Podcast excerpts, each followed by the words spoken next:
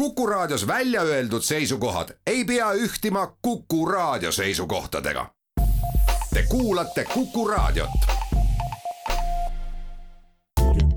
tähendused, teejuhid tere pärastlõunat, et oleme siis eetris Tähenduse teejuhtide saja seitsmekümne kolmanda saatega, mis see number nüüd lõplikult jääb, see ei ole selge, sest tegemist ei ole otsesaatega ja kui me jõuame, kui see peaks jõudma nüüd neljapäevane otsesaade peaks jõudma ennem eh, Youtube'i, siis saab selle numbriks sada seitsekümmend neli, aga see ei ole ka muidugi nii tähtis, mis see number saab olema, igatahes oleme siin täna üle tüki aja Tartu stuudios jälle esimest korda vist sel hooajal ja mul on äh, suur rõõm ter tervitada siis ka, nagu ikka kahte saatekülalist, tere tulemast, Merili Metsvahi. tere. ja tere tulemast, Ülo Valk. tere. Äh, et mõlemad esimest korda.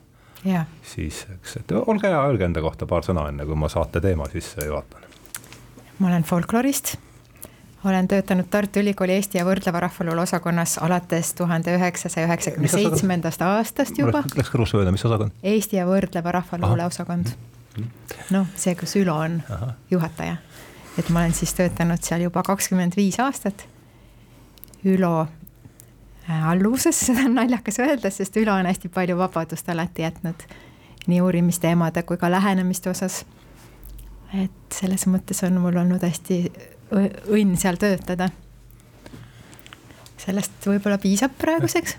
noh, folkloristika jätabki inimesele päris palju vabadust, et see on täiesti iseenesestmõistetav, et minagi olen siis folklorist et eh, viimasel ajal ma olen vist tegelenud teemadega, mis seostuvad eh, fiktsiooni ja uskumuse ja tõe vahekorraga laiemalt nagu erinevates kultuurides.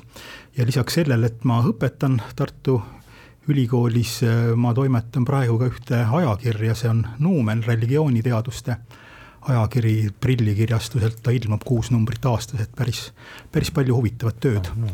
Nuumen. Nuumen mm. -hmm. Kuus korda aastas? jah, kuus numbrit Aha. aastas. kõik? jah, see on kõige olulisem, ma arvan aitäh aga ma siis ütlen, et ähm, selle, igal saatel on töö pealkiri, mis ta lõpuks jääb, see ei, ta ei pruugi selleks jääda, aga selle saate töö peal, töö pealkirjaks võtsin ma siis üleloomulik, äh, panin, panin ma üleloomulik loodus. mis on, äh, Ülo tunneb ära, et see on tema tähenduse teejuhtide kaheksandas numbris ilmunud äh, artikli pealkiri ja ma mõtlesin, et sellega võiks niimoodi mul, ma panin siin kohe, hakkas mulle kohe kõrva fiktsioon, uskumus ja tõde, need on väga huvitavad äh, niimoodi äh, sellest kolmikust annab siin kindlasti seda annab veel harutada, aga enne kui me sinna läheme, ehm, võib-olla siis lükkame selle artikliga jutuajamise käima. et ehm, selle formaat on siis selline, et iga artikli alguses on niisugune mu enda lau-, mu enda siis toimetaja lause, et mis see üks mõte sellest artiklist, mis ma, mis ma siis enda jaoks kaasa võtan ja siia ma olen kirjutanud, et Ülo Valk kirjutab, et kaugemas rah-, kaugemas Eesti rahvausundis puudus koht nii looduslikkusel kui üleloomulikkusel. et see on ju ometi hea küsi-, hea, hea võimalus siis küsida nüüd, muidugi Ülo kirjutab sellest siin lähemalt, mida ta selle all mõtleb, aga, aga kui me võtame seda vestlust siin nüüd iseseisva sellise ühikuna, et mis, millest siin jutt käib, miks ei olnud, et mis, avame selle lause tausta palun siis. Natukene lähemalt. jah, et me ju kõik vaatame ajas tagasi ja teame, et me mõtleme praegu hoopis teistmoodi kui inimene keskajal või, või varasel uusajal ja oskame ka selle üle mõelda, et milles siis see suurem erinevus on, et kui kunagi inimene elas maailmas, kuhu kuulusid maagia, üleloomulikud jõud, vaimud, haldjad, kindlasti inglid ja meie kultuurikeskkonnas jumal, taevased olendid. Loodus oli täis igasuguseid jõude, ka näiteks emotsioonid, tunded ei olnud midagi sellist, mis oli ainult inimesele omane, vaid äh, terve loodus oli, oli täis kõike, kõike seda, mis on inimlik, tänapäeval me räägime rohkem sellisest nagu eksklusiivsest humanismist või või inimeseks olemine on midagi sellist, mis nagu kõiki ja kõike, kõike muud välistab, siis, siis äh, sel ajal oli, oli maailm teistsugune.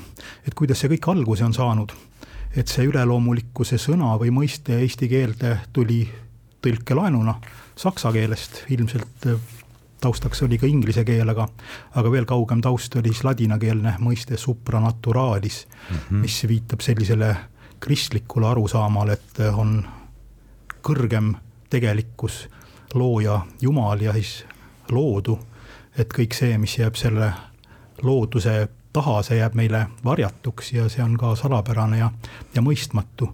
et mulle tundub, et me tänases saates räägime ka nendest erinevatest aegadest, erinevast maailmatunnetusest, mis selleni on, on viinud ja milles ongi siis see suurem erinevus aegade ja tunnetuste vahel no ma lisaks, et looduse mõiste ju alles tekkis seitsmeteistkümnenda sajandi teisel poolel mm. -hmm. et seda kategooriat ei olnud enne. noh, kultuur ja tsivilisatsioon on veel hilisemad, aga siis see looduse mõiste, kui see võeti Euroopa kõrgkihtides kasutusele, et siis ta oli ju vastandina nagu inim või äh, inimühiskonnale või ühiskonna sõnaga ei olnud. no nagu ikkagi tsivilisatsioonile selles mõttes et see kultuur tuli siis üheksateistkümnenda, kahekümnenda sajandi vahetusel, see mõiste siis tekkis see dualism veel loodus ja kultuur. ja, ja antropoloogia ja. Ähm, mis suunas nüüd edasi liikuda eh, mulle tundub, et noh, vähemasti see, eks ma olen samadel teemadel mõelnud, eh, aga tõenäoliselt või no, päris suure tõenäosusega siis teise nurga alt natuke, aga et kui, et ma räägin, kuhu mis konteksti mulle see jutt siiani haakub, et mulle minu jaoks haakub see, see seitsmeteistkümnenda sajandi pool ikkagi Descartes on jällegi esimene nimi, mis siin, kes siin sisse tuleb, et tema on see, kes lööb selle lõhe siis äh, äh noh, ühelt poolt üleloomulik, looduslik, see kohe kuidagi haakub res extensa, eks loo, looduslik äh, res cogitans, siis üleloomulik või niisugune immateriaalne vaim, et aga et see on nüüd see, mis juhtub siis Euroopa kõrgkihtides seitsmeteistkümnendal, seitsmeteistkümnenda sajandi teisel poolel, eks, aga et selle saate kontekstis huvitab mind eelkõige see, et kuidas see Euroopa kõrg, kõrgkihtides toimunu siis nüüd, kui kiiresti ja mis vormis ta lõpuks siis siia jõuab, et siin on tõenäoliselt äh, just teie eriteadmistest minu meelest kõige rohkem, äh, need pakuks kõige rohkem huvi, et et võib-olla hakkame siis sealt pihta, et kuidas, kuidas Descartes äh, Maarjamaale jõuab. tol ajal internetti minu mäletamist mööda ei olnud, et. ma räägiks enne veel selle Descartesi eelse aja Liivimaal mm, -hmm. sellepärast et siis on nagu kronoloogiliselt nagu õige järjestus. et äh, ma olen lugenud Johan Kutslaffi raamatut, mida eesti keelde saaks tõlkida lühike teade ja õpetus vääralt pühaks peetud Võhandu jõest Liivimaal mis ilmus tuhat kuussada nelikümmend neli. tuhat kuussada nelikümmend neli, jah. jah, ja selle äh, tellis, no kolmteist aastat varem oli loodud esimene trükikoda Liivimaal Tartus või mitte Liivimaal, nagu Eesti alal, et siis Tartus, et seda sai juba trükkida ja trükikulud kandis äh, Hans Oom, mõisnik, et Sõmmerpalu mõisnik.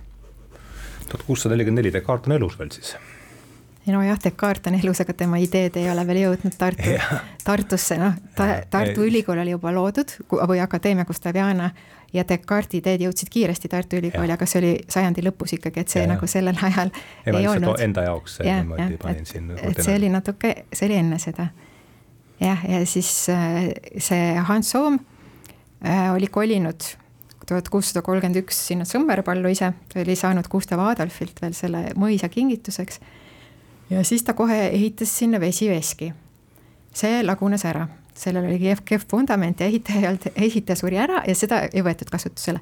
siis ta otsis väga hea veskimeistri Saksamaa alalt ja siis lasi sellel äh, veskimeistril siis teha korraliku hea vundamendiga veski. ja see valmis, ma kirjutasin endale üles, tuhat kuussada nelikümmend, nii et kuussada nelikümmend hakati seda juba kasutama. ja siis tuhande kuuesaja neljakümne esimesel aastal oli väga-väga halb ilm. sadas vihma ja rahet, äh, hästi külm oli, septembri alguses algasid hallad, nii et vili ikaldus ja noh, tänu sellele halvale ilmaolule on meil niisugune suurepärane dokument või noh, ütleks veel edasi, et see tuhat kuussada nelikümmend üks oli üleüldse kõige külmem aasta, mis on Skandinaavias kunagi fikseeritud pärast jääaega. et see oligi see väikese jääaja kõrgperiood tegelikult. aga siis tuhat kuussada nelikümmend kaks oli jälle kül-, väga külm oli juba kevadel, nii et juba sai aru, et siit ka mingit head viljasaaki loota ei ole. ja siis talurahvas arvas, et see on äh, selle jõe kättemaks mm. -hmm. et äh, tegelikult oli seal juba viis veskit lammutatud varem, nagu ka see Kutsläfi sellest välja tuleb, et kõik, kõik, mis seal Pühajõel olid ehitatud et Pühajõgi on siis Võhanduse osa, mis on Kooraste järvedest kuni Vagula järveni. mina olen seal olnud suvil, suvel iga laps, kõik lapsepõlve mhm. suled, suved veetsin seal lähedal. et seepärast mul on endal ka see Pühajõgi tuttav. et siis äh, noh, talupojad siis otsustasid kolmekümnendal aprillil tuhat kuussada nelikümmend kaks tuli kuuskümmend relvastatud talupoega, kes olid sealt Pühajõe, sealtsamast piirkonnast ja siis jõe ülemjooksult Ehm, ka Otep, noh, päris kaugetest piirkondadest, aga, aga ikkagi sealt kõik, kes jõe ääres elasid, tulid kokku ja siis hakkasid seda või tungisid juba sinna veskisse. aga Hans Soomi naine sai vahele ja üks raehärra, kes neil parajasti külas oli, Hans Soom ennast ei olnud ja siis nad ikka suutsid nagu lepitada selle, selle olukorra nagu päästa ja, ja läbi rääkida talupoegadega, et praegu seda palun ärge lammutage. aga siis talupojad ütlesid, et nad ikka tulevad tagasi, kui ilm edasi halb on mm. -hmm. no ja siis no olid jah, kakskümmend mai oli kohus, kus kolm meest ainult kohale ilmus ja siis eriti karistada midagi ei saanud ja ei olnud ka millegi eest veel karistada. aga siis äh, tuli kaheksandal juunil äh, kaheksakümmend meest kokku ja nüüd oli juba noh, ja nüüd nad tulid rohkem just alamjooksualadelt jällegi päris kaugelt, ka Vastseliina ja, ja selle noh, Setu, mis on praegu Setu alad, mis oli Venemaa koosseisus isegi ja siis esimesed mehed siis viisid need kõige kaugemalt tulnud, viisid ära vilja ja raudesemed sealt veski seest. Ja siis viimased mehed lammutasid kõik nagu vundamendi ja maja, noh, selle vesiveski ja. ja siis puhastasid jõe, noh, see oli viimane, see oli kõige tähtsam, seepärast et vesi mm -hmm. peab saama vabalt voolata, et see on nagu põhiasi, mis on üldse sellisel noh. ja sinna ju ohverdati, et iga aasta toimusid veel härja ohverdamised ja Eesti, see on üldse esimene eestikeelne rahvaluule üleskirjutus, mis on tervikuna säilinud, on see pikk see palve, mis, mida siis loeti. et see, kes seal jões elab, selle kohta on Gustavi raamatus erinevalt öeldud, et kas ta on siis pikne jõejumalus, jõejumal või lihtsalt ütleb, et jõgi, et ohverdati lihtsalt jõele ja ma räägin selle sündmuse ära ja siis pärast räägin siis sellest usundilisest taustast noh, et ilm ikkagi jäi halvaks ja siis arvas talurahvas, et Oomi naine on mingi raipe visanud sinna, et surnud looma, looma ei tohi pühasse jõkke visata. et mingi teine põhjus on seal, et ilm ikkagi ei paranenud. ja, ja veel eriti hulluks läks siis, kui nad järgmine kord kohtusse kutsuti või kui kaks, kakskümmend juuli oli kohus Sõmerpalu mõises siis olid seal ettekirjutused, kuidas noh, see oli kindralkuberneri tasemel juba see korraldus ja ja kuidas peavad dragunid, relvastatud mehed peavad talupead sinna korrale või kohale kutsuma või see kohale saatma. Rootsi aeg siis on jah? jah. ei, tuhat kuus, jah, Rootsi ajal ikka jah.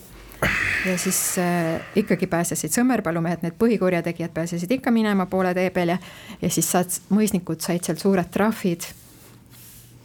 ja noh, karistus oli siis ihunuhtlus, mis oli tavaline tollel ajal, see nagu kedagi ei morjendanud, aga hullem oli see, et siis pandi karistusena kirja ka see, et, et nad peavad uue veski ehitama ja see ajas nagu väga närvi talupojad. ja siis oligi, nüüd oligi see põhjus, miks see raamat tuli, sellepärast et mõisnik kartis oma elu pärast, Hans Soom arvas, et noh, talupojad nägid juba sellised välja, sellised vihased, nemad seda uut veskit ei ehita ja ta kartis omaenda ja, ja siis oma pere elu pärast. ja siis ta maksis äh, kohalikule kirikuõpetajale Johan Kutslafile, et ta kirjutaks raamatu ja manitseks seal. et miks et see ei ole nii, et jõgi muudab ilma. et see on hoopis vastupidi, et see on see talurahva ebausk, mida jumal karistab sellega, et ta halva ilma saadab neile kaela oh,. sedapidi või? jah, et siis äh, ongi see raamat üle neljasaja lehekülje, noh väikese leheküljega, on siis põhjendust, et et miks see ei saa olla äh, jõgi, kes selle ilma põhjustas. ja seda põhjendust on väga ikka ühte ja teistpidi seletab ja väga veenvalt, no osaliselt meile ka veenev, osaliselt ei ole üldse, sellepärast et sugineb täiesti teistsugusel maailmapildil. et see on selline aristoteleslik no, maailmanägemine. Kutslafi raamat on veel Aristotelesel jah? ja, ja, ja, see on ka geotsentriline lähenemine, sest ei olnud veel heliotsentrilist maailmapilti. et selles suhtes, et äh, on ka hästi huvitav seda lugeda hmm ja tegelikult mitte jumaleid ei ilma, vaid planeetide seis, noh, Kutslav seletab niimoodi, et tegelikult on see planeetide ja tähtede seis, mis määrab ilma aga jumal saab vahele segada, jumal saab sekkuda, kui ta vaatab, et midagi ikka väga viltu läheb. et selline arusaam on seal.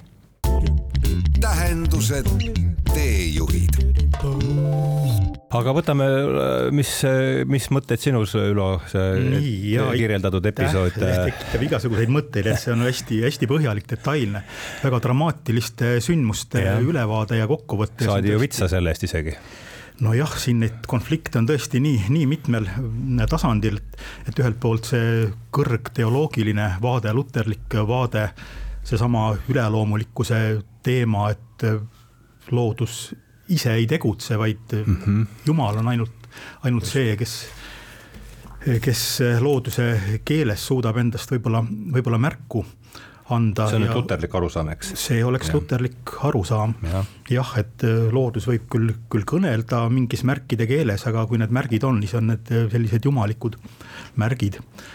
ja see aeg on ju väga lähedal katoliku perioodile Lõuna-Eestis, et alles äsja oli lõppenud ära Poola riigi ülemvõim seal mõnikümmend aastat, aastat tagasi. et siin kindlasti on, on varjul ka sellised katoliikluse ja, ja luterluse omavahelised vastuolud.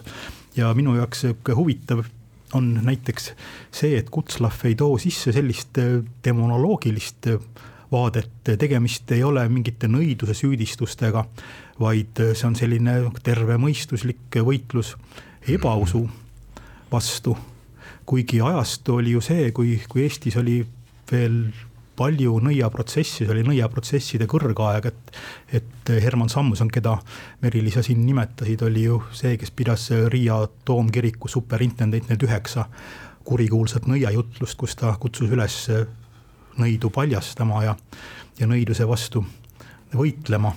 et selline kuidagi tundub olevat selline nagu eel, eelvalgustuse raamat, kuigi valgustatusest mm -hmm. me oleme veel, veel päris, päris kaugel mm. -hmm ja raamat, kus on hästi palju rahvausundit äh, kirja pandud, ka siis talurahva ettekujutusi ja, ja arusaamu, et ilmselt see jõe elustatus ja, ja pikse jumala seos jõega tuleb nagu otse ikkagi talurahva suust, nende teadmistest, nende, nende poolt üles kirjutatud.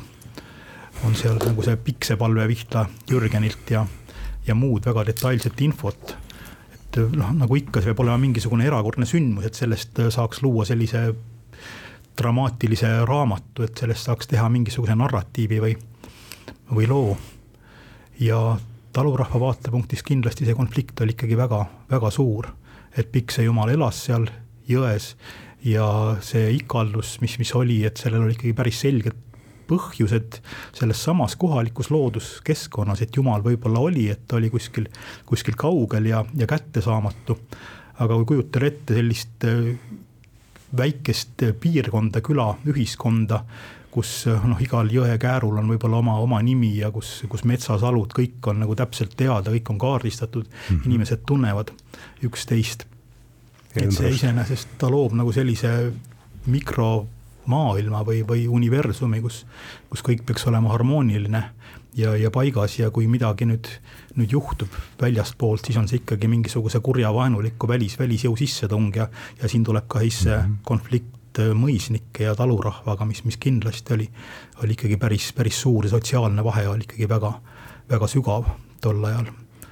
Mhm. sakslastest mõisnike, võõramaalastest mõisnike ja talurahva vahel, kuigi oli ka mingisugune ühisosa tõesti, et need spekulatsioonid, et. et mis siis ikkagi ilma muudab, et noh, need kõik on teaduslikud küsimused, millega siis ka tegeldi, kui, kui Tartu Ülikool asutati Mm -hmm. et ma kõigepealt ütlen, et see ei ole nii, et ei olnud demonoloogiline, et see oli ikkagi kristlik demonoloogiline, et tal on ülipalju seal piibli tsitaate ja Vana-testamendi tsitaate ennekõike ja ja seda kuradit ka seal mitmes kohas ikkagi esineb, et et osaliselt oli see raamat ka demonoloogiline, aga jah, mitte nii tugevalt nagu teised selle aja raamatud, et et seal ikkagi äh,. nõiaprotsessi värvingut ei antud asjale? nõiaprotsessi värvingut asjal ei olnud jah, aga see, et talurahvas ei tea ise ka, kas ta kummardab jumalat või kuradit ja ja noh, et nad ei saa aru nagu, mis on kuradi ja jumala vahe ja noh, nagu selge, et kuradi kohta igasuguseid väiteid seal esineb küll äh,. siis teine asi, mis ma nüüd lõpus tahtsin juurde öelda, oli see, et, et jah, oligi, et, et näiteks tal on seal küsitletud inimesi no just nagu folklorist teeks välitäid, et tal on inimese nime, nimi, keda ta küsitles et ta õppis kiiresti eesti keele ära, ta kirjutas ju ka lõuna-eesti keele grammatika ja ta tõlkis eesti keelde piibli. seesama Kutslav. seesama Kutslav, ta tõlkis Vana-testamendi kümme esimest raamatut eesti keelde mm.. et ta nagu oligi kiire ja no väga lugenud mees oli, tark mees ja siis tal on nimepidi seal need talupojad, keda ta küsitles ja isegi mõnikord umbes kuupäevaliselt või niimoodi, et millal ta käis, küsitles nüüd uuesti seda talupoega või no nagu väga täpselt on need metaandmed seal ka ja ja siis see, kes elas Pühalättest, sai see Pühajõgi alguse, et kelle, kes elas seal Pühalätte kõrval, seal oli ka nagu väike hiis või selline püha metsasalu ja sealt ei tohtinud näiteks ühtegi oksa murda. et kui murrad, et tal on üks juhtum oli, kuidas ta mur-, üks noormees murdis ja suri samal aastal ära hmm. ja kuidas äh, ja kuidas varem sai seal vihma teha või kuidas nagu äh, kui vanemad põlvkonnad oskasid veel seda, et selle allika abil, sellesama pühalätte abil sai siis ilma teha, et visati midagi allikasse, siis tuli vihm, puhastati allikas ära, tuli selge ilm. et see oskus nüüd enam nagu ei ole. seda oskust ei ole. siis oli mingi näide vist, et üks naine küsis seal allika juures, et kas seal on kurat sees ja siis selle, selle naisega ka midagi juhtus ja see on seal kõik kirjas selles raamatus siis? jaa, igasugused sellised jah, et see on nagu minu meelest parim rahvausundi Eesti rahvushundi kohta parim allikas seitsmeteistkümnendast sajandist, ma arvan. ja loodusesse suhtumine, noh kristluses, et, et minu meelest seal on kahte moodi suhtumist loodusesse.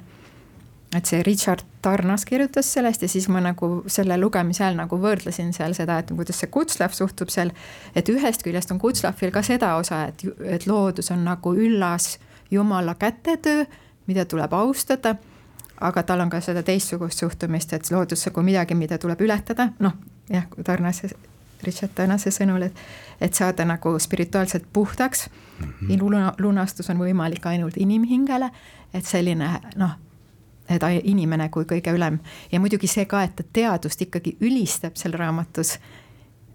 jah, see kõik on huvitav, et seal on nagu noh mina ei ole seda perioodi uurinud, et siis mulle veel eriti huvitav, et et seal on see geotsentriline maailmapilt, et seal see teadus, mida ta ülistab, et see on kõik nagu astronoomia, astroloogia noh, kõik sellised asjad, mis meie silmis ei ole enam teadused, need on kõik seal koos, aga ta ikkagi ütleb selliseid väiteid seal, et et teadlased ei ole veel kõike avastada suutnud, aga küll nad tulevikus nagu kõige suudavad, et talurahvas on lihtsalt rumal, et talurahva, see, mis talurahvas ütleb, et nad ütlevad, küsid, et kust sa seda tead, siis ta ütleb, et noh, esivanemad rääkisid või vanad inimesed rääkisid või et vana, et see on vana usk, meie vana usk, seal on eestikeelseid fraase ka sees, ma ei mäleta nüüd täpselt neid, mis need olid, aga aga et noh, nii ikka räägiti, et see ei ole mingi teadmine, see ei ole, et see on lihtsalt see, kui keegi räägib, see ei ole, isegi kui ingel taevas seda ütleb, niimoodi saan tal ka veel põhjendada, et isegi see ei ole kohe otseselt teadmine.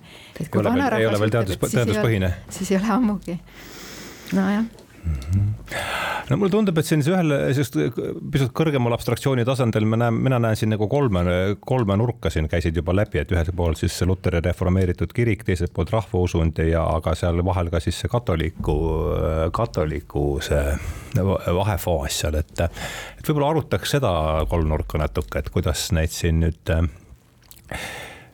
lühidalt või, või niimoodi jah, no me pikalt ei saa siin seda arutada, aga et lühidalt kokkuvõttes, et kuidas sellel ajal ütleme, katoliku ja reform, reformeeritud kirik, siis luteri kiriku suhtumine selles selles küsimuses, et loodus ise ei tegutse ja et jumal, et jumal võib läbi looduse äh, kõneleda, et kuidas, kuidas te sellest aru saate?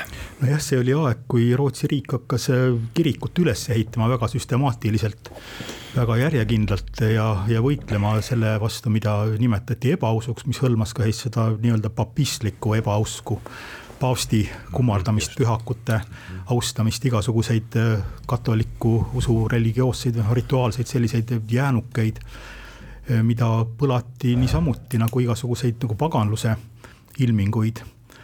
et äh, noh, omamoodi oli see ka selline suur pööre juba modernismi Just. poole, mis eelnes sellele üheksateistkümnenda sajandi pöördele, et et üks asi jälle, mis nüüd Merili jutust tuli, tuli välja, mis on hästi huvitav, on see on see psühholoogiline erinevus ja suur vahe tänapäeva inimese ja kunagise inimese arusaama vahel kasvõi, et kuidas, kuidas meie nagu suhestume loodusega või, või ilmaga, kuidas inimene suudab ilma mõjutada, kuidas me suhtleme igasuguste muude looduse olenditega, keda võib nimetada võib-olla kuradiks, kui kui see kohalik terminoloogia juba ei, ei kõneta, kui tuleb sisse selline diabolistlik või, või luterlik arusaam nendest kohalikest äh, haljatest vaim, vaimolenditest.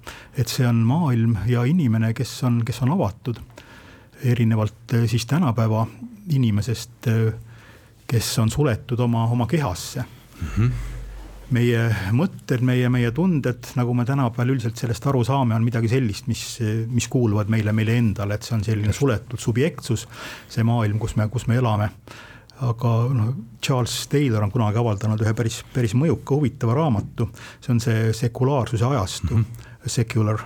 Secular age. Secular age, jah, kus ta, kus ta näitabki seda, et et modernsus ja selline ratsionaalne mõtlemine või teaduslik mõtlemine ei tulene niivõrd äh, haridussüsteemi muutusest või mõtlemise muutusest, vaid ta tuleb sellest, kuidas me oleme hakanud aru saama omaenda kehast, oma, oma kehalisusest ja, ja teadvusest näiteks noh, keel mäletab selliseid äh, igasuguseid väljendeid, mis, mis kinnitavad seda, et, et inimese ihu on, on avatud. Äh, noh, tuul tõmbab meist, meist läbi või, või, või noh, külm tuleb kallale, et mm -hmm. külm võib olla midagi sellist agressiivset, mis tuleb väljastpoolt, aga tunded võivad tulla väljastpoolt, et kedagi haarab seal, seal raev või, või viha või hirm tuleb kuskilt väljastpoolt, hirm, hirm poeb, poeb naha vahele. et eh, terve see, see loodus oli, oli täidetud igasuguste jõudude ja, ja tunnetega, milles siis nagu noh, kõige, kõige võimsam oli, oli Jumal. aga talurahva meelest eh, see nähtavasti niimoodi ei olnud, et olid hoopis teised jõud nagu, nagu näiteks Pikne või need loodushaljad, kes valitsesid võib-olla kitsamat äh, ruumi, seda, seda kohalikku maailma, millest nagu väga palju kaugemale ei olnudki vaja vaadata. et see tõesti noh, nendes, nendes lugudes, selles samas raamatus ka paistab see, see kaugem minevik, see, see modernismi eelne aeg, kui ei olnud veel üleloomulikkuse mm -hmm. mõistet, kui seda polnud vaja, sest mm, -hmm. sest kõik oli, kõik oli koos, ei tehtud selgelt erinevust, mis on, mis on päris, mis on mis on fiktsioon mm. -hmm. Need kategooriad, milles me praegu väga-väga tugevasti mõtleme, kuigi nojah, Luteri kiriku vaatepunktist, kirikuõpetaja vaatepunktist oli ikkagi vaja, vaja tõmmata selged piirid, mis on, mis on ebausk, mis on nagu jumala seal kümne käsu esimeste käskude vastu eksimine, et sul ei tohi olla teist, teist jumalat minu kõrval et ikkagi väga, väga selged printsiibid, aga samas teadmine, et kõik need jõud on siiski olemas, et mm. -hmm. et noh, nimetame ta küll kuradiks selle, selle haldja seal, aga et ega ta sellest ära, ära ei kao, et see on ikkagi mingi reaalne jõud, mis seal, mis seal mm -hmm. on, et. et selles mõttes vaimulikud ja talurahvas olid, olid ühel meelel, nad elasid sellises avatud maailmas, kus ka inimene, inimese keha oli,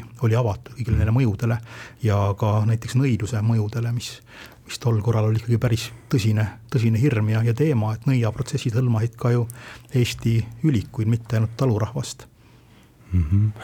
ja Richard Arnase nimi käis siit juba läbi, et see üks mõte, mis ma talt üles noppisin, mis tundub siia ka sobivat, et tol ajal olid meie piirid olid poorsemad kui, kui, kui praegu, eks, et just see, et, et see kehalisus ei olnud nii niisugune piljardipallikujuline, vaid ta oli just niisugune nagu pigem võib-olla käsna, nii, niivõrd saan mina sellest aru, et kas, kas see haakub äh, sinu arusaamisega, Ülo? jah, täpselt äh, nii, et see vastandus nagu see, see puhverdatud siis või nagu inimene oma, oma kestas või, või koorikus või Tšehhovil on üks äh, novell Inimene Vutlaris, mis on võib-olla ka päris hea kujund, kuidas ja. me tänapäeval endast päris nagu hea. ennast ette, ette ja, kujutame erinevalt siis. sa mäletad, millest seal jutt käib või? see inimene Vutlaris, see oli mingi hästi sotsiaalkriitiline novell mingist veidrikust äh, kooliõpetajast, kes, kes kõike nagu kartis ja see oli hästi-hästi pelglik igasuguste uuenduste. aga see on hea kujund küll, inimene Vutlaris on tore päris, selline tšehhovlik huumor on, on seal inimene utleb. Charles Tayloril oli see vastandus transparent self ja buffered self on ju, et see. aga ma olen lugenud ise Sources of the self, mis mulle ka omal ajal väga meeldis, aga ma lugesin vast kakskümmend aastat tagasi seda Charles Taylori. sa lugesid läbi jah, mul on ta riiulil küll. ma ei tea, kas ma päris läbi lugesin, aga no ikka osaliselt küll jah, ja isegi paljundasin sealt paremaid kohti mm. -hmm. ja, ja seal ta räägib, eks ole, sellest muutusest, mis, mis just seal tol ajal, just see enesetunnetuse ja see, see piiride äh, piiride ümberdefineerimises, nii ma ei ole seda ise lugenud, aga. jah, ja see on pikk ajalooline protsess, et kuidas me siia välja jõuame. aga noh, sellele võib-olla vastukaaluks või tasakaaluks ongi see kahekümne esimesel sajandil tekkinud nüüd arusaamine, et järjest rohkem ilmub neid uurimusi, mis osutavad sellele, et, et iseenesest see, mida Max Weber nimetas selleks lummusest vabanemiseks mm -hmm. või Entzauberung, see, kus Just. nagu maailm vabaneb nõidusest, maagiast, üleloomulikkusest, kuidas, kuidas see iseenesest ei ole päriselt nagu õnnestunud äh, projekt. tähendused, teejuhid heas seltskonnas olen pannud tähele, läheb aeg kiiresti, et meil on siin äh, veerand tunnikest äh, ongi jäänud, et, et peab mõtlema, kuidas see jutuajamine nüüd kokku või sadamasse juhtida, et ma ühe silmaga piilun siin ikka seda üleartiklit, et siin käib Bruno Latourist oli meil täna juttu, tema suri just tõesti paar päeva tagasi, eks. Äh, küll tuleb, siin Philippe Descola, kelle raamat ilmus siin ju ka mõned nädalad tagasi vastu, et mida me temast, äh, kuidas tema sellesse, et kui see juba siin niimoodi pilk selle sõna ja tundub olevat oluline autor, mina tast ei tea palju, aga et oleks kasutanud võimalust, et siis sellest raamatust, selle raamatu kohta küsida ja ja et mida temast oleks hea teada jah, noh, ta on ju nagu Levi Strossi mantli Aha. pärija ah, ja Levi Stross ka ise kirjutas tema kohta väga-väga positiivselt, juhtis tähelepanu talle kui sellisele uuele, uuele mõtlejale, kes on selles samas teispool loodust ja kultuuri, mille nagu Hasso Krull on tõlkinud ära väga, väga suur tõlketöö ja väga väga võimas monograafia, et, et õnn, et meil eesti keeles on see lugemine nüüd, nüüd olemas avatud Eesti raamatu sarjas. ta esitab need neli sellist ontoloogilise mõtlemise tüüpi, noh, oli, oli juttu, et ta vastandab seal sellist animistlikku ja naturalistlikku loodus, loodusteaduslikku või teaduslikku mõtlemist ja, ja lisaks kirjeldab veel, veel totemismi ja mis see neljas oli, see hierarhia, põhiline analogism jah, nagu mis hierarhiatel põhineb.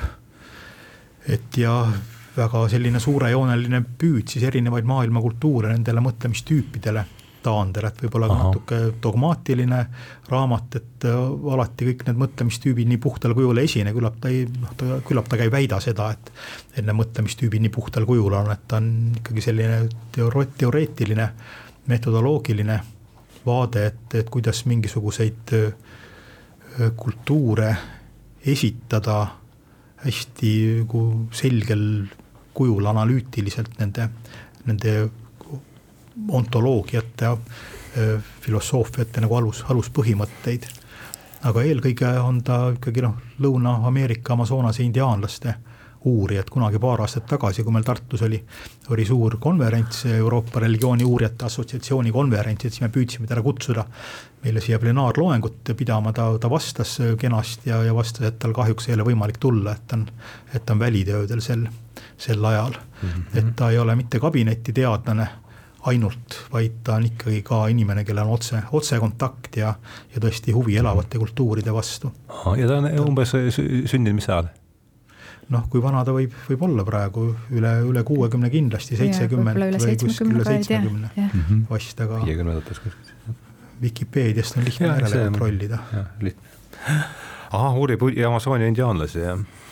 ja öelge palun veel need neli, äh, need, mis need neli tüüpi olid, optimism totemism, analogism. animism ja naturalism. ahah, analogism, väga huvitav. totemismis on siis äh, need samad, see sisemus ja väline või kuidas tal on öeldud, see füüsiline kuju ja siis see sise, sisemaailm siis loomadel ja inimestel kattuvad mm. -hmm. ja analogismis siis on mõlemad erinevad. noh, et see on hästi selline struktuur, jah, selline Aha. selge struktuur nagu. et selline ma... kastiga on niimoodi tal joonistatud seal raamatus või selline skeem on tehtud, selline hästi-hästi selge, noh jah ja,, see on jah, tähtis ja suur, aga noh, kahtlemata ei saa niimoodi nagu nii jah, Asso pidas kõik... mul ühel külalisloengul või tähendab ühel kursusel külalisloengu ja sealt mul tuleb küll see skeem hakkab kusagilt, tolle ju ta rääkis Descolast jah ja eks selle kaudu saab avada ka eri Eesti rahvushundi või rahvakommete erinevaid aspekte. mis see viimane hierar-, hierarhism või?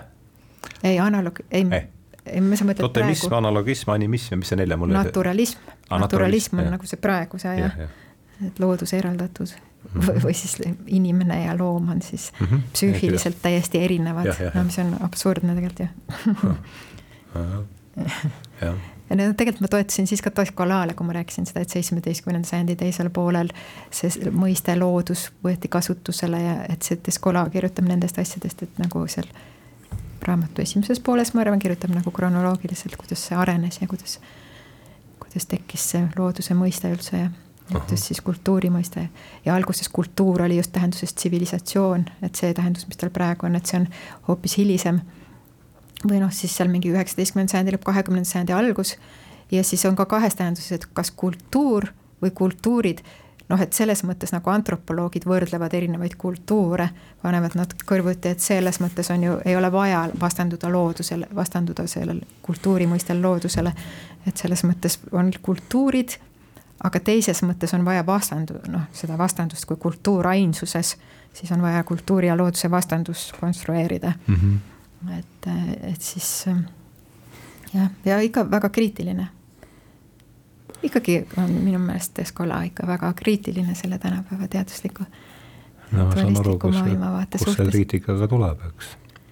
jah, mulle jäi siin silma jälle Ülo artiklis see, see on iga, nagu igas artiklis on kaks, see on niisugune mõtlema panev lõik, et igas artiklis on meil siin kaks välja tõstetud, üks on see, et vanasti käidi metsas, mindi põllule või kalale ega otsitud kontakti loodusega nagu seda teeb linna ja interneti inimene. mõte loodusest kui ühiskonnale vastandavast välismaailmast lähtub lääne õpetlaste mõtteviisist, mis sugenes alles siis, kui hakati rajama steriilseid teaduslaboreid, kus uuritakse vääramatuid loodusseadusi, et noh, siin jah, ei olegi, see on, kõik on selge siin, et siin väga polegi vaja kommenteerida, aga just jah, see, et see kogemus, et mis nüüd mul ka täna tuli läbi, et kui seda kogemust ei ole, et ollakse tõesti, et igal jõekäärul on oma nimi ja ja, ja põõsad tuntakse, et siis see on täiesti noh, siis selles, kui nagu kogemus on teine, siis muutuvad ka tõend, siis kogemuspõhisus on teine, siis on kohe teine ka tõenduspõhisus, tundub.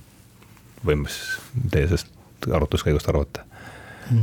jah, et kui nüüd Descola juurde tagasi, tagasi tulla, et siis tõesti võib-olla üks selliseid nagu suuri teemasid ongi, et kuidas rakendada tema neid, neid vaateid just nagu Euroopa kultuuri puhul, lääneliku kultuuri puhul, et püüdes uurida neid inimesi, kes ei ole veel sellest uuest teaduslikust mõtlemisest niivõrd mõjutatud, nagu, nagu noh, kasvõi võtame Eesti rahvus on, millest ka Hasso Krull on, on kirjutanud, püüdes nagu ja üsna, üsna edukalt Descola meetodit, tema, tema vaateid rakendada, et, et väga palju on, on rakendatud teda just igasuguste küll Lõuna-Aasia, küll, küll Siberi rahvaste puhul üks väga huvitav autor on Rene Villerslev, kes on uurinud Jukakiiri küttide maailmapilti ja nende argi, argielu, kus ka loomad, inimesed ja vaimolendid on nagu moodustavad sellise kolmiku, kes, kes iga päev nagu koos Omad kokku puutuvad ja mm, -hmm. ja tegutsevad.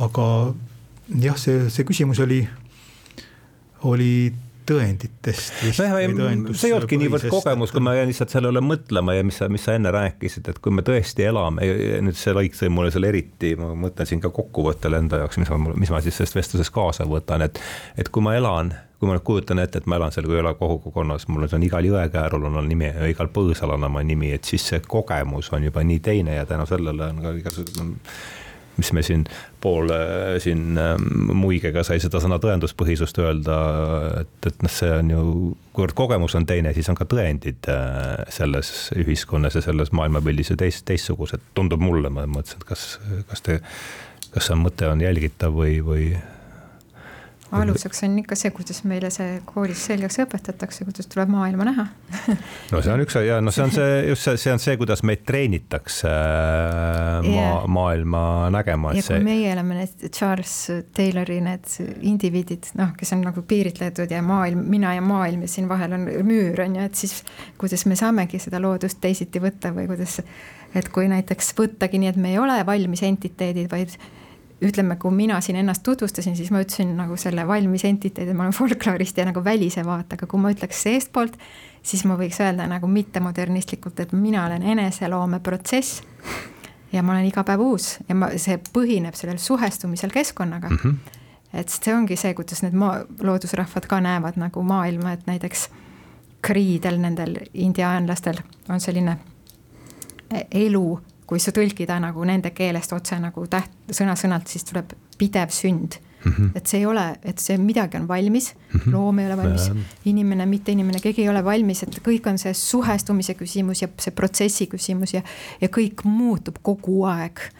et see on nagu see point, et või nagu oluline erinevus, mis on nagu sellisel maailma mõistmisel eelmodernsel ja, ja siis modernsel, et modernses on kõik sellised piiritletud entiteedid juba valmis ja. Aatomid on muutumatud ja jagamatud ja mis asjad on muutumatud? aatomid, alates aatomitest, mis on kõik ja. muutumatud ja jagamatud, jah. jaa, väga äh,. kasutan nüüd äh, järele jäänud minuteid täiesti äh, praktiliselt, paneme kokku kahekümne viiendat lehte, mis on äh, võtmesõna depressioon. mis minu arvates on meie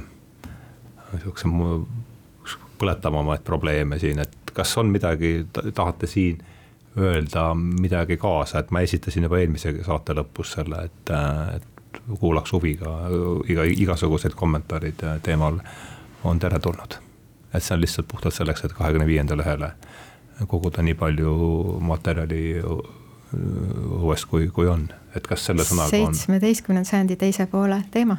Aha. Rupert Sheldrake on sellest kirjutanud kusjuures no, et siis hakkas levima see asi ja. nagu depressioon, kuigi seda nimetati võib-olla melanhoolia et äh, ja see seostub ka libamendi protsessidega, millest me rääkisime, et seal ju neid libahunte, kuidas siis keegi hakkas käsitlema, et kui see noh, ütleme siis animistlik maailmapilt lagunes ja siis mm -hmm. nagu seda arstiteaduslikust vaatepunktist näiteks vaadati, et need on nüüd melanhoolikud hoopis või, või noh, et et see jah, minu meelest just süvenebki aina enam selles ühiskonnas, kus inimene on selle tähenduslikkuse kaotanud või kus see on noh, seotud ainult selle teadusliku, materialistliku maailmapildiga, noh justkui nagu peaks olema, aga õnneks seal on need lõhed sees alati, et me ei ole kunagi olnud modernsed ikkagi, et et see, see on seotud sellega väga ja mhm. just Charles Taylori selle individualiseerumisega on ju. et kui ei oleks, kui oleks kollektivistlikum, ei olnud seal päris maalastel depressiooni, ei olnud. Isegi kui Eesti, eestlased olid päris orjad ja ja kui neid noh, mõisnikud rängalt ära kasutasid, et siis ikka depressiooni ikkagi neil ei olnud, ma arvan. Vähemasti ei diagnoositud. ja ilmselt see tõesti on selline nagu väga tänapäeva kultuurikeskkonnaga seotud selline vaimne, vaimne seisund, uuemaaegne tõlgendus. Ja jah, minnes ajas tagasi, mõeldes kasvõi sellele seitsmeteistkümnendale sajandile, millest enne oli, oli juttu, et kui inimese elu kulges ikkagi nagu väikeses, suhteliselt väikeses ruumis ja ja keskkonnas ja see inimese elu tõenäoliselt ei olnud ka väga-väga pikk, et kui, kui pikk oli see, oli see keskmine eluiga, oli see kolmkümmend, nelikümmend aastat võib-olla, sest laste suremus oli väga-väga suur sel, sel ajal.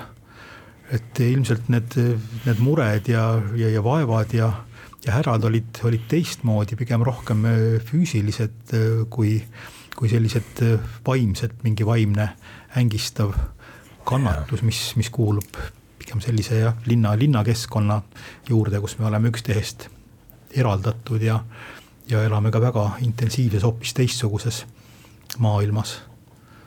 aga teema, mis on praegu väga-väga oluline just, märgib seda meie kahekümne esimest sajandit, ma arvan minule tundub, et need Luteri ajal, mis need lauluraamatud ka eesti keeles ilmusid, sealt tuli see individualistlik maailma nägemine tugevalt sisse, et mina ja Jumal, et enne noh, kui vaadata neid pulmakombeid ja need olid nagu nii noh, kogukond, see oli A ja O.